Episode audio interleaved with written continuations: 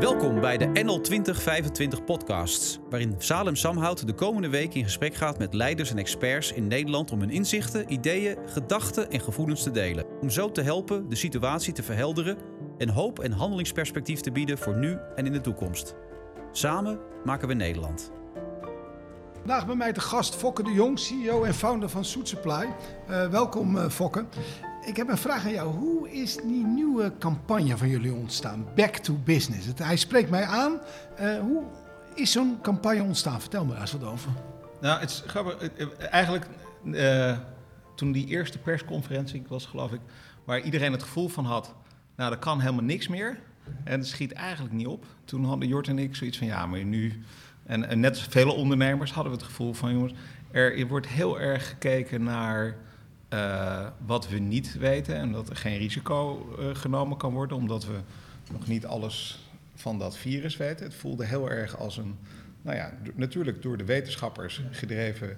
En die moeten adviseren over nou ja, wat ze allemaal weten en niet weten. Maar er werd weinig, uh, voelde dat er weinig aandacht was voor wat we wel wisten. Namelijk dat als we hier te lang mee doorgaan, dat we natuurlijk een heel groot gedeelte van de economie uh, om zeep helpen. En dat heeft echt serieuze gezondheidsconsequenties. Ja. En, uh, dus het voelde alsof het een hele zwart-wit uh, discussie en keuze was. Um, en die heel erg door de publieke opinie en, en ook wel gedreven werd. En dat blijkt nu ook, achteraf gezien, was de regering helemaal niet van plan om de scholen te sluiten. Dat was ook niet het advies van het RIVM. En dat is wel onder, de, onder druk van publieke opinie gebeurd. Ja. Dus dat vertelt je dat, uh, ja, dat het belangrijk is om er toch een ander geluid uh, te laten horen. En dus nou, toen dachten we, uh, dat is belangrijk om te doen. En, maar we zijn natuurlijk ook commercieel. En, en dat is ook exact waar nu de economie over gaat.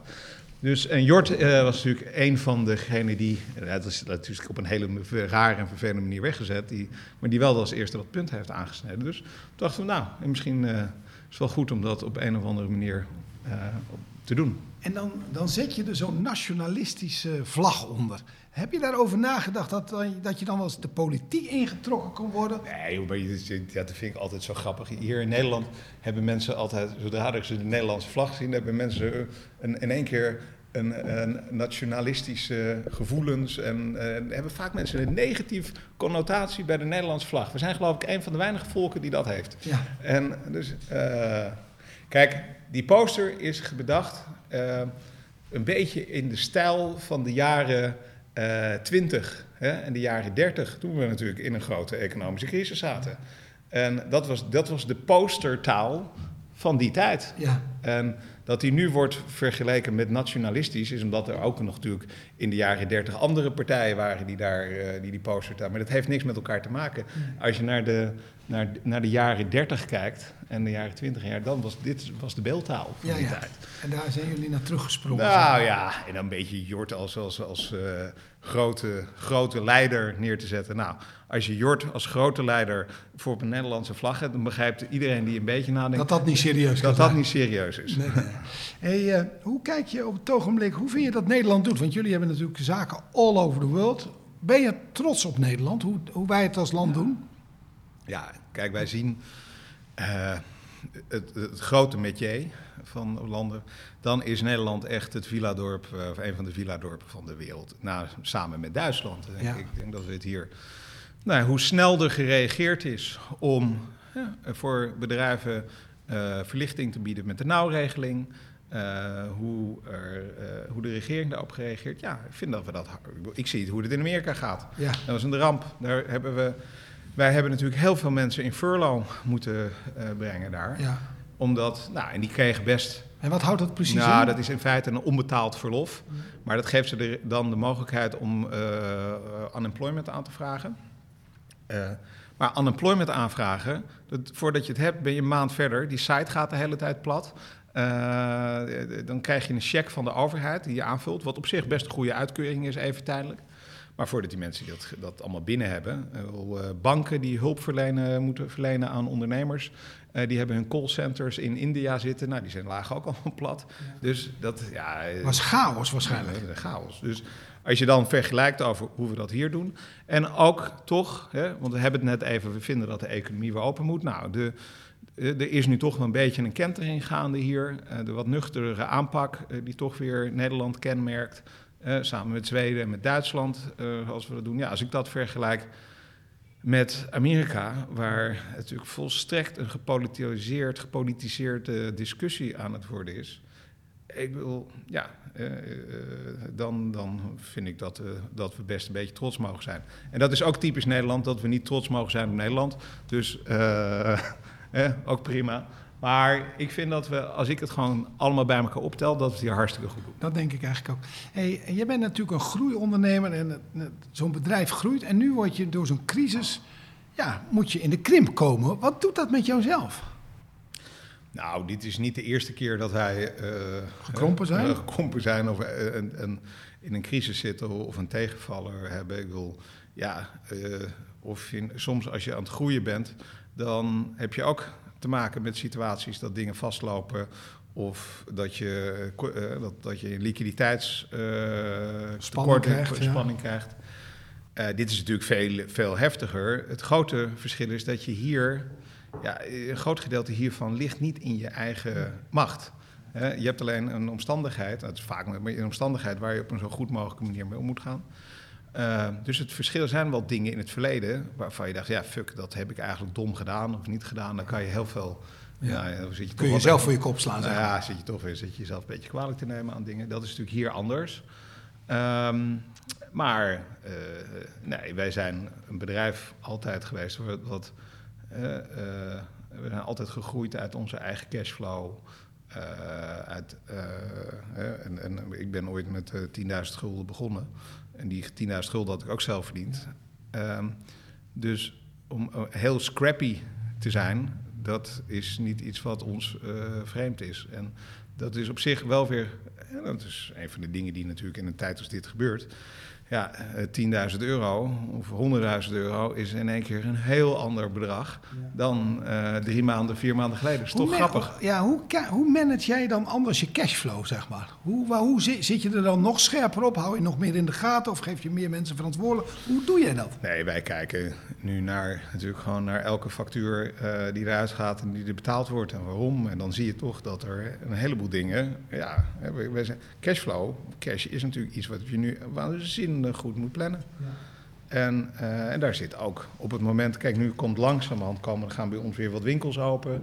En uh, er komt langzamerhand gaat er weer wat bloed door de aderen stromen. Ja. En natuurlijk heb je wel iets van buffer uh, in een bedrijf. Maar ja, als, de, als, als je gewoon de, de omzet twee maanden helemaal zo'n beetje stilzet, dat is best iets waar je dan triage op moet gaan toepassen. En dus hoe manage je dat? Heel veel toch communiceren met je belangrijkste suppliers. Kijken of we daar met elkaar hè, ook goed in de gaten houden. Maar zie je even, jij hebt een hartstikke groot bedrijf. Manage het, ik heb het soms, nou, je geeft me ook wel het gevoel dat je er echt zelf helemaal bovenop zit. En je bijna heel veel facturen nog zelf bekijkt. Is dat ook zo? Of, uh... Nou, kijk, normaal gesproken niet, maar in een situatie als deze hebben wij natuurlijk gewoon met het managementteam overleg uh, van jongens, wat gaan we nu wat is nu wel belangrijk om te betalen? En met welke partijen kunnen we wat uitstellen? Of wie heeft. Eh, en, en, dat is niet aan de ene kant zo van. Het gaat niet alleen maar, oké, okay, wat kunnen we vooruit duwen? Het is ook gewoon van, oké, wat, wat, eh, wie voelt aan waar, bij wie het het allerlastigste heeft? Welke Italiaanse supplier moeten we even, welke kleine moeten we even omhoog houden? Ter, en die grote die kan misschien nog wel even een maandje wachten. Dus in zo'n situatie ga je dat soort dingen doen. Ja, daar ga je echt op detailniveau doorheen.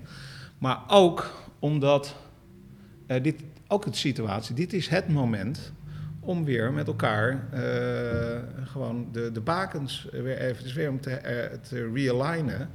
En wat ik je net zei, 10.000 euro of 100.000 euro is in één keer een ander bedrag. Dus dat geeft ook weer, zo'n crisis moet je niet verspelen om weer eens even met alle, nog eens even goed naar alle kosten te kijken. En dan blijkt toch dat er in een heleboel dingen best. Ben je daar ook van geschrokken? Want dat, dat er echt nog wel ook bij jullie makkelijk dan met te makkelijk met geld omging?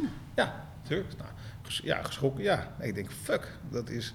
Nou, waarom geven we daar eigenlijk dit bedrag? Dat kunnen we toch op een andere manier doen. Ja. Eh, en eh, ja, er zijn een heleboel aspecten waarvan je. eh, kijk, en dat is natuurlijk altijd het verschil. In een groei, ja, als je het nu hebt over een groeimodus of deze modus. Ja, in een groeimodus ben je natuurlijk altijd met kosten bezig, maar net, toch net op een andere manier dan als je daar met iedereen vol focus Bovenop. bovenop zit. Ja, dan, komt, dan gaat daar de energie naartoe. Nou, en dan, dan blijken er een heleboel afspraken en dan hoeven een heleboel dingen geregeld. Dan blijkt toch lucht te zitten en dan blijkt toch opnieuw uitonderhandeld te kunnen worden. En bovendien zijn er ook andere leveranciers die zeggen: Ja, jongens, ik wil best met jullie graag doorwerken. En ik ben best bereid om dat tegen een ander bedrag te doen. Ook ja, maar een groot onderdeel bij ons, dat zijn natuurlijk discussies die we nu ook hè, op, op breed terrein voeren. In alle landen. Hè. Onze, onze, onze huren, onze landlords. Ja, eh, leuk als, we- als we met elkaar een beetje huurkorting krijgen over april en mei. Maar als de wereld er de komende twaalf maanden totaal anders, andere ja. eh, uitziet. En je mag in plaats van maar, maar 25% van de mensen in, in een winkel. Ja, dan kan je niet met elkaar verwachten dat. dat eh, en zo'n landlord kan je wel zeggen: ja, maar dat zijn problemen, dat zijn problemen. Die zit natuurlijk ook weer met aflossingsverplichtingen. En die zit ook met hypotheken. En die zit ook met. Nou ja, dus. eh, dat is niet. Het heeft geen zin om overal maar meer met een gestrekt been in te gaan. Maar ja, je moet wel. Dus ik ben ook met, zeker met de belangrijkste partijen onderdeel van de discussies. Hoe kunnen we toch op een goede manier eh, zorgen dat we dat, met begrip voor waar het probleem aan de andere kant zit, maar ook hoe wij er naar kijken. Eh, ja, want wij zien ook heel veel scenario's die we natuurlijk in China al gezien hebben, in Korea al gezien hebben, over hoe dit eh, nou, gaat ontwikkelen. Maar ook hè, wat we nu in Nederland, in België zien, heeft heel erg te maken met de hoeveelheid angst die er in een samenleving gebracht is. Hoe snel dingen zich weer zullen herstellen. Eh, ehm, Hoe is het met je eigen angst eigenlijk? Ehm, ja, kijk, ik bedoel. eh, eh, eh, ik, ben, ik ben vrij snel. kan ik wel weer perspectief zien in dingen. Maar ja, dit zijn ook momenten waar als je echt alle scenario's helemaal zwart doordenkt. dat je gewoon ook na moet gaan dat. Ja, ik bedoel, er is geen, er is geen bedrijf wat niet in gevaar komt. Ja. En dit soort dingen. Wat, dus ja, ik bedoel, ja. wat nou, brengt dat bij jou teweeg? Ehm, nou, ik ga daar niet, eh, ik, word daar niet depressief van of eh, Nee. dat soort dingen. Nee, ik bedoel, eh, ja.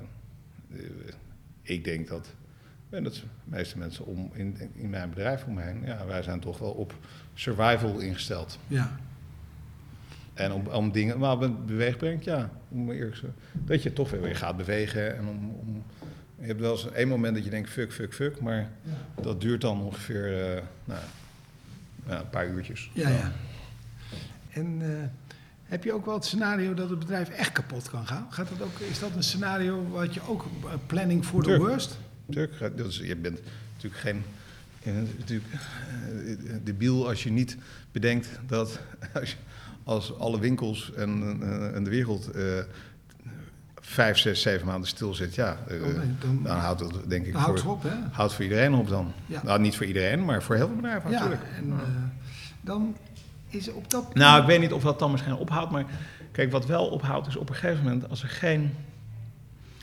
ehm, en dat, dat is natuurlijk het lastige, want wij spreken ook met in, in, in de scenario's dit, waar natuurlijk enorm veel liquiditeitsdruk staat, met onze eh, financiers. En, eh, nou, dan ben je met elkaar scenario's aan het maken. Nou, normaal gesproken zijn scenario's maken niet zo vreselijk moeilijk. Want dan zeg je, nou, we denken volgend jaar 5% plus of 10% plus. Nou, dan kan het minder zijn. En dan...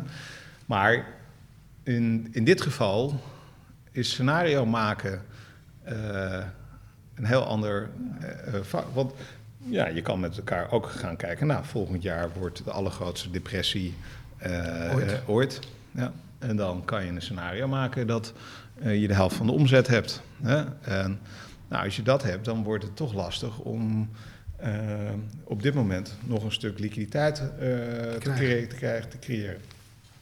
Ehm, maar daarom is het zo dat als je dus wel beweegt. En, we hebben toch weer alles heel snel weer opengegooid. En, en toch gezien in China dat dingen zich weer herstellen. Is dat je veel meer informatie krijgt over hoe je, nou, dan denk je, oké, we hadden een heel depressief scenario gemaakt. Nou, dat is in ieder geval de afgelopen zes weken alweer beter dan dat we gedacht hebben. Dat Ja. betekent ook dat als je naar 12 maanden of 14 maanden vooruit kijkt, dat het misschien ook anders is. Dus tijd is een heel. eh, zorg, zorg dat je nou ja, actie maakt en blijft bewegen. Zorg dat je meer informatie krijgt door dingen te doen over hoe misschien het over 12 maanden of 18 maanden eruit ziet. Hey, en dan, eh, dan maak je ook de keuze om zo'n marketingbudget weer vrij te maken, zeg maar. Dat, je bent heel erg zuinig op geld, maar je durft wel dan weer te investeren in marketing en communicatie. Eh, hoe maak je zo'n Nou, de- keuze? De, de bang for your buck die je natuurlijk in, in nu krijgt voor je marketing is, is Ja. heel anders dan anders. Dus het is. eh, ja, we zien ook dat dat oplevert. Ja. weer. Dus eh, het, het onderscheidend vermogen is, is ook groter nu. Ja. Eh, dus ja. Hey, wat waren de twee of drie moeilijkste telefoontjes die je afgelopen week hebt moeten doen? Ik heb er 45 eh, gedaan die heel lastig waren. Ja? En eh, ik heb persoonlijk alle eh, winkels in eh, Amerika ehm, eh, mensen ontslagen. Ja. Ja, we noemen dat met een mooi, fur, mooi Ja. furlough. Maar Ja. ehm, ja, dat, is, dat was echt lastig. En, en dat is nog steeds lastig, omdat ehm, je weet dat... je zegt, nee, natuurlijk, furlough. En nou, we hope we can bring you back soon. Ja. En we're, we're going to work very hard to... Maar je weet gewoon dat niet iedereen... eh, natuurlijk in, in eh, ook al gaat het heel goed... maar je haalt, niet iedereen gaat terugkomen. Nee. En eh, ja, dat is natuurlijk wel. Daar zitten ook mensen bij eh, waarvan je weet, ja, die hebben gewoon heel lang bij het bedrijf gezeten. En eh, ja, en die zijn dan best nog. Ik denk, ja, veel mensen, misschien ik toen ook nog wel weer hoopvol van, oké, misschien duurt het maar een paar weken. Eh, maar we zitten nu alweer twee maanden. Ja. En dat is een, eh, ja, dat, dat is een, een last. En met name in de US, waar wij. Waar, Wat ja. doet het met je om dat zo te moeten doen? Het lijkt me best heftig om dat zo al die telefoontjes te moeten doen. Ja, Wat voel, wat voel je er wat bij? Of wat? Nou ja, dat, hoef ik- dat, ja, natuurlijk voel je er wat bij. Maar als ik jou nou uitleg dat, dat, dat, ik ongeveer doe, kan je ook voorstellen hoe dat voelt. dat is natuurlijk Ja, geen... ehm, oh, shit, wat even. Maar, eh, ja, nee, eh, ik bedoel, het zijn... ehm, kijk, het zijn allemaal mensen waar je eh, toch lang... eh, die voor je gewerkt hebben. Ik bezoek altijd onze winkels heel veel. Eh, ja, dat, eh, dus het is niet... Het zijn voor mij geen getalletjes Nee. op, een, eh, op, een, eh, op een papiertje. Ja. Ik heb ook een eh, restaurant van ons moeten sluiten. En dat is twintig man eh, die eruit moeten. En toen liep ik met hen door, dat, door het pand heen. En dan voel je bijna gewoon een ontzield gebeuren eigenlijk. Dan word je eigenlijk een beetje... Nou, ik werd er best een beetje depressief van. Eh, jij kunt die mensen nog niet eens zien, maar je kunt dat wel visualiseren, denk ik. Die winkels die daar dan leeg staan. Die mensen die hun baan kwijtraken. Eh ik, het kostte mij wel twee dagen om er even bovenop te komen. Hoe, hoe pakte jij dat op eigenlijk? Ja, ehm, ik- kijk, eh, nou ja, je hebt niet, eh, je kan er urenlang over lullen, maar je kan maar één ding doen, dus zo snel mogelijk gewoon weer zorgen dat je op een of andere manier de boel weer aan de slag krijgt. Dus ehm, ja, wij hebben toch geprobeerd om, eh, want, je, je- om bijvoorbeeld, wat je net zei, mensen co-browsing geïntroduceerd. Dus mensen clientelling vanuit thuis kunnen doen. En samen met.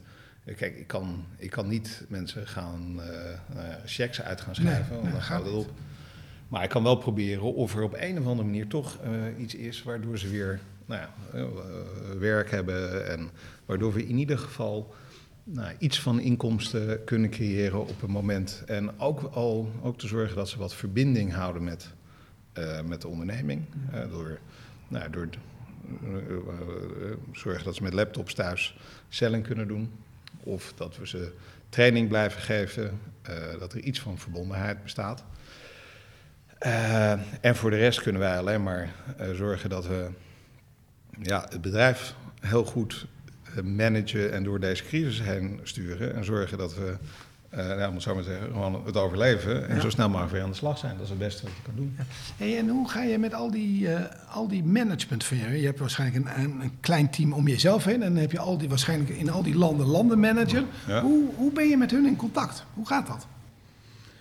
Ehm, nou ja, met, met de teams en de, de, de, we dus we doen wel regelmatig check-ins met elkaar. dus Bi-weeklies. Begin, op het moment dat zo'n eh, onderneming in al die landen zeg maar even in, eh, het, in, in, in winterslaap gebracht moet worden, in slaap ja, dan is het elke dag met alle teams eh, overleggen en hoe doen we het en wat doen we het in welke volgorde. En daar heel snel op acteren. Dat hebben we gelukkig wel gedaan. Dus dat, daardoor heeft het, als je achteraf kijkt, toen ik, als je mij had gevraagd in, in begin maart, hoeveel gaat het kosten om alles te sluiten voor twee maanden? Nou, dan had ik je een heel ander bedrag gegeven dan wat het uiteindelijk eh, is geweest. Omdat we heel snel op al die, nou, ook op al die hulpprogramma's hebben, in alle landen hebben gereageerd. Of heel snel actie hebben ondernomen. En dat is dankzij dat we, nou ja, over toch wel heel snel, agile en, en, en een team hadden. Die ook in zo'n crisissituatie, eh, ja, er ontstaat toch een, een, een, een getting shit done energie.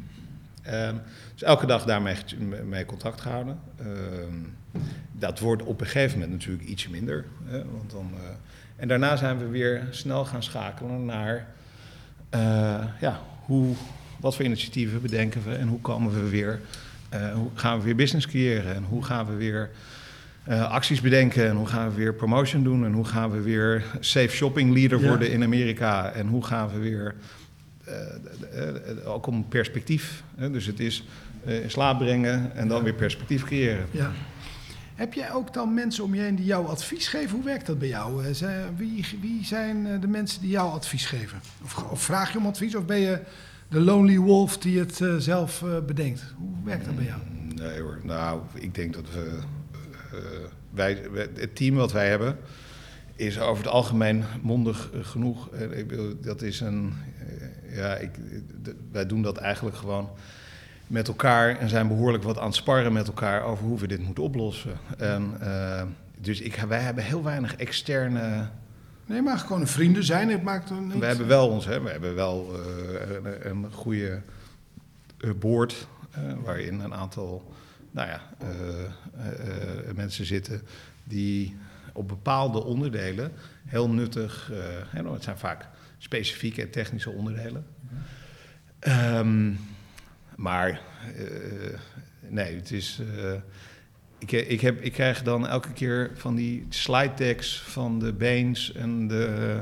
eh, met 25, eh, 180 graden, weet ik veel wat. Met, Ja. nou, denk ik, nou, denk ik, oh, Gooi gewoon in de die heb, heb ja. ik niet meer. Dan Ja. ehm, nee, dus ehm, ik denk dat we, ja, met name, want iedereen waarmee je werkt weet behoorlijk wat er aan de hand is en wat er in, de, in, in die markten aan de hand is. En, eh, nee, dus we hebben weinig van externe gebruik gemaakt. Oké. Hey, en eh, wat is voor jezelf, wat ben je trots op wat je de afgelopen twee maanden hebt gedaan? Je zegt, nou, de Fokker, daar heb ik echt fucking goed gedaan eigenlijk. Mm, nee. Ja, ik bedoel, ik ben blij dat we er nog eh, we zijn, dat, dat we er nog zijn en dat we perspectief zien, natuurlijk. Ehm, maar ik zou, eh, ehm, ja, ik zou toch het liefste weer ik, eh, zien dat alles gewoon in de hele wereld weer open is. Ja, ja, ja. Dan voel ik mij. eh, Dan voel je je meer Dan zeg ben ik wat, dan ben ik wat, dan, dan vind ik, dat vind ik lekkerder om op zo'n moment trots te zijn dan op dit moment. Oké. Wat is, eh, want bij zo'n crisis bijna elke week krijg je weer opnieuw inzichten, zeg maar eigenlijk. Hè? En denk je, nou, als ik dat had geweten, had ik twee weken of drie weken geleden een heel ander besluit genomen. Wat is een besluit wat je hebt genomen in de afgelopen weken? Je zegt, nou, met in hindsight eh, had ik dat toch even anders aangepakt. Of had ik even mee gewacht voor een Nou, besluit? als ik dan terug moet, terug moet komen op jouw eerste vraag, waar ben je trots op? Ik denk dat we tot dusver nog, eh, want dat is het enige wat je kan doen, nog vrij weinig fouten hebben gemaakt in, om dit aan te pakken. Dus in de, in de snelheid van acteren. We hebben elke keer het gevoel gehad van ja, fuck, moeten we dat nu doen? Eh, dus misschien nog, maar moeten we niet even afwachten? En dit dan elk moment dat we dachten, moeten we niet even afwachten, hebben we gezegd, nou dan moeten we het meteen doen. En, ehm, Dus, en daar zaten natuurlijk best een heleboel vervelende beslissingen. En dan, dan een week later, echt, een week later dacht ik, oh, nou, blij dat we dat gedaan hadden. En dan zag je alle andere, of twee weken later, dat alle andere bedrijven dat dan ook gingen doen. En ehm, dus ik, ja, ik, nou, ik denk dat we dat... Dus gewoon keuzes maken en dan ook gewoon meteen executen, zeg maar. Ja. Ja, dat is denk ik ook een belangrijk punt. Hey, eh, merk je ook bij je medewerkers eh, eh, daar angst dat, voor hun eigen gezondheid in de winkels? Hoe, hoe gedragen zij zich? Ja, tuurlijk. Kijk, dat is best, best lastig. Je merkt dat door de hele samenleving. heen. Dat is natuurlijk heel logisch. Als mensen zes weken lang thuis hebben gezeten en het nieuws hebben bekeken, dan zou iedereen bang zijn. Ik was ook de eerste paar weken toen ik dat eh, zag, dacht ik, holy shit, eh, wat heb ik... Want ik was in het begin een beetje laconiek. En ehm, nou, eh, toen we de eerste, toen dacht ik ook wel, oeh. Maar ja, later heb je toch weer wat meer feiten en snap je toch wie echt de risico's lopen. Als, dus dan, ehm, maar mensen hebben dat automatisch. En, eh, dus wij hebben toch eh, tegen iedereen gezegd natuurlijk, hè, die tot risicogroepen behoren en, en die zich daar niet zo lang bij voelden. Nou ja, eh, blijf maar even thuis dan. En sowieso, alle mensen die tot risicogroepen behoren, die vinden wij überhaupt dat die, die moeten sowieso bij ons thuis blijven. Ehm, maar toch wel weer beginnen.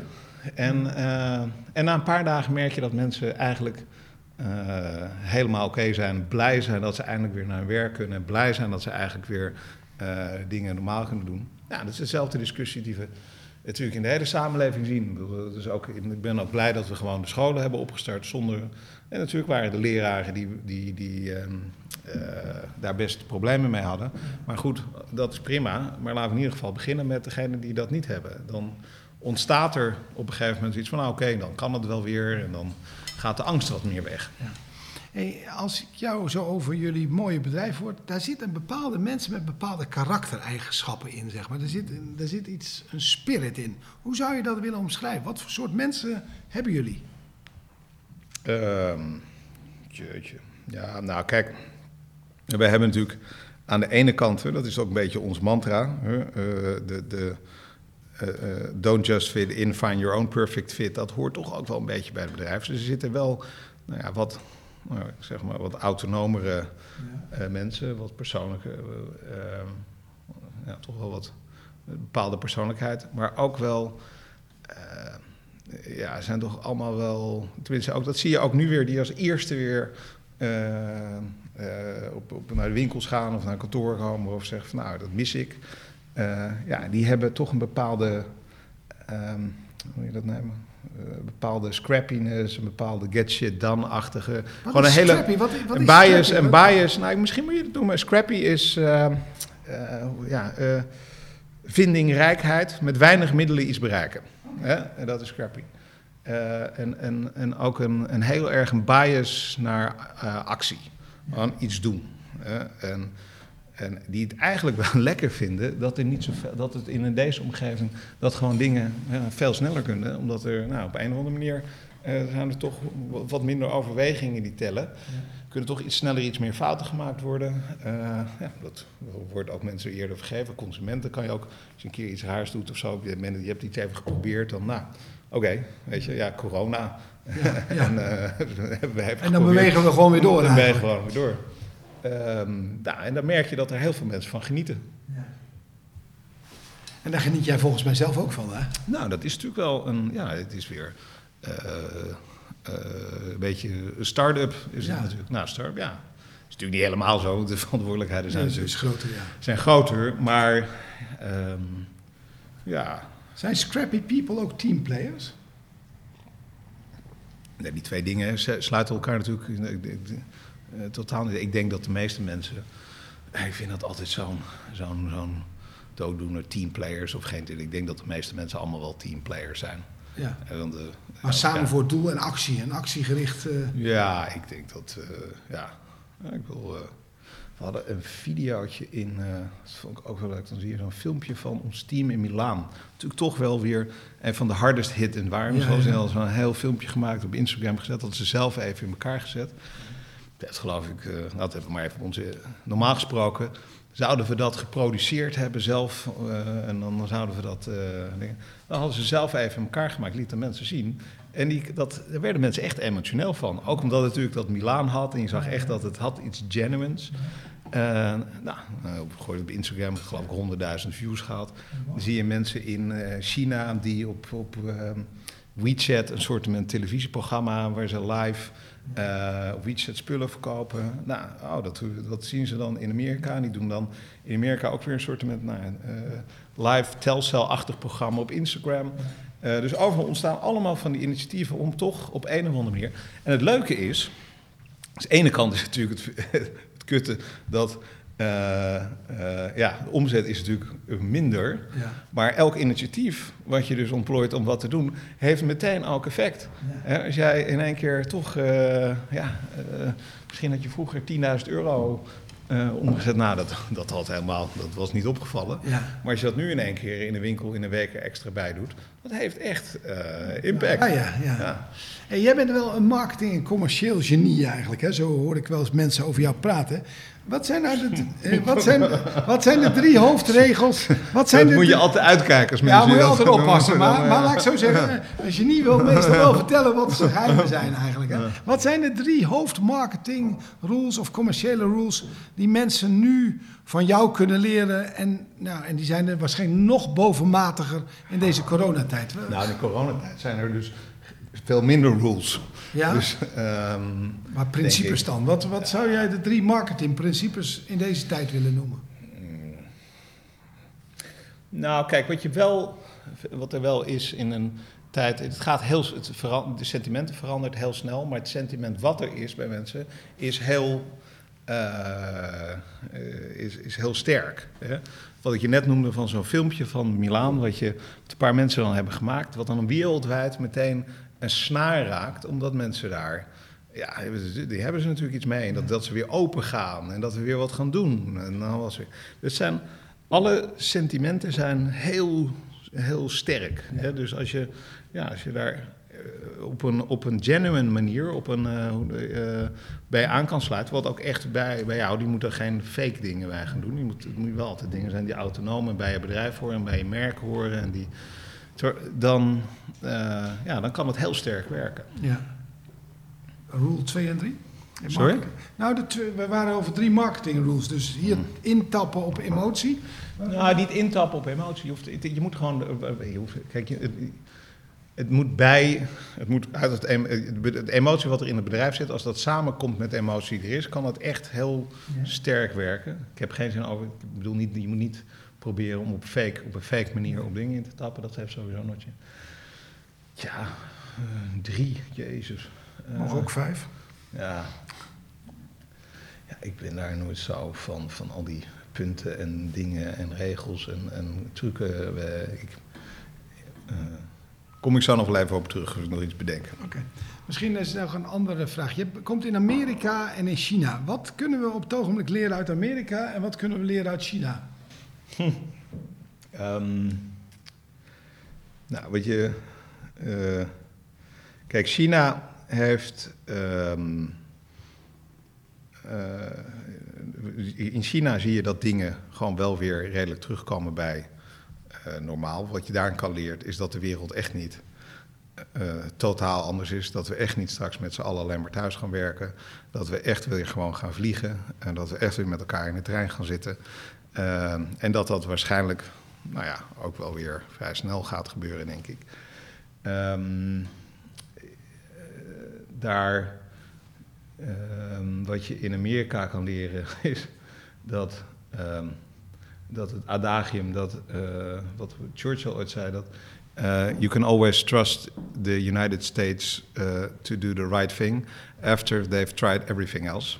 En um, dat is, blijft nog, ja, daar is um, um, de, de stelling, twee stellingnames die er nu zijn. Natuurlijk aan de ene kant dat gezondheid heel belangrijk is en de angst die daarmee gevoed wordt.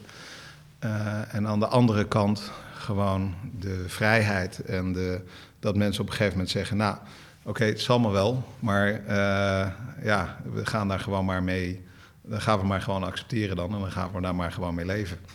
Ja. Uh, die twee, po die ja, polariteit, die is daar natuurlijk enorm aan de hand. En die zijn ook alle twee weer gebonden nog eens een keer aan, aan de politieke beweging. Dat maakt de discussie maakt het niet makkelijker. Je ziet daar dat. Nou, wat je daar eigenlijk zou kunnen leren, is goed over nadenken, dat als je geen goed leiderschap hebt, dat, uh, uh, dat. Want daar is eigenlijk nu dokter Fauci degene uh, waarnaar geluisterd wordt. Dus daar heb je de, nou ja, degene die alleen maar advies geeft. En die geeft alleen maar aan wat de risico's zijn. Ja. En dan moet uiteindelijk een leider dat vertalen en zeggen: Nou, op basis daarvan en op basis van alle andere belangen neem ik deze beslissing. Of nemen we deze beslissing? Nou, dat is er niet. Dus daarmee hebben we nu uh, dit vacuüm wat op een. Uh, Schrijnend om te zien eigenlijk. Ja, dat is. En aan de andere kant zal je dus door, door dat dat land altijd toch uh, ja, eigenlijk op staatniveau gerund wordt.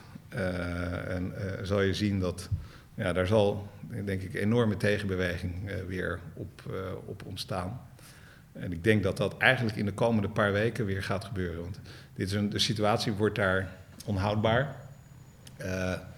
de, de, de nieuwscycle gaat nu de ene kant, gaat nu de angst uit. Die zal op een gegeven moment denk ik ook wel weer de andere kant uitgaan. Kijk, ik heb in mijn omgeving, dat is, dat is allemaal. We hebben natuurlijk heel veel, veel mensen die, die, voor ons werken in New York wonen.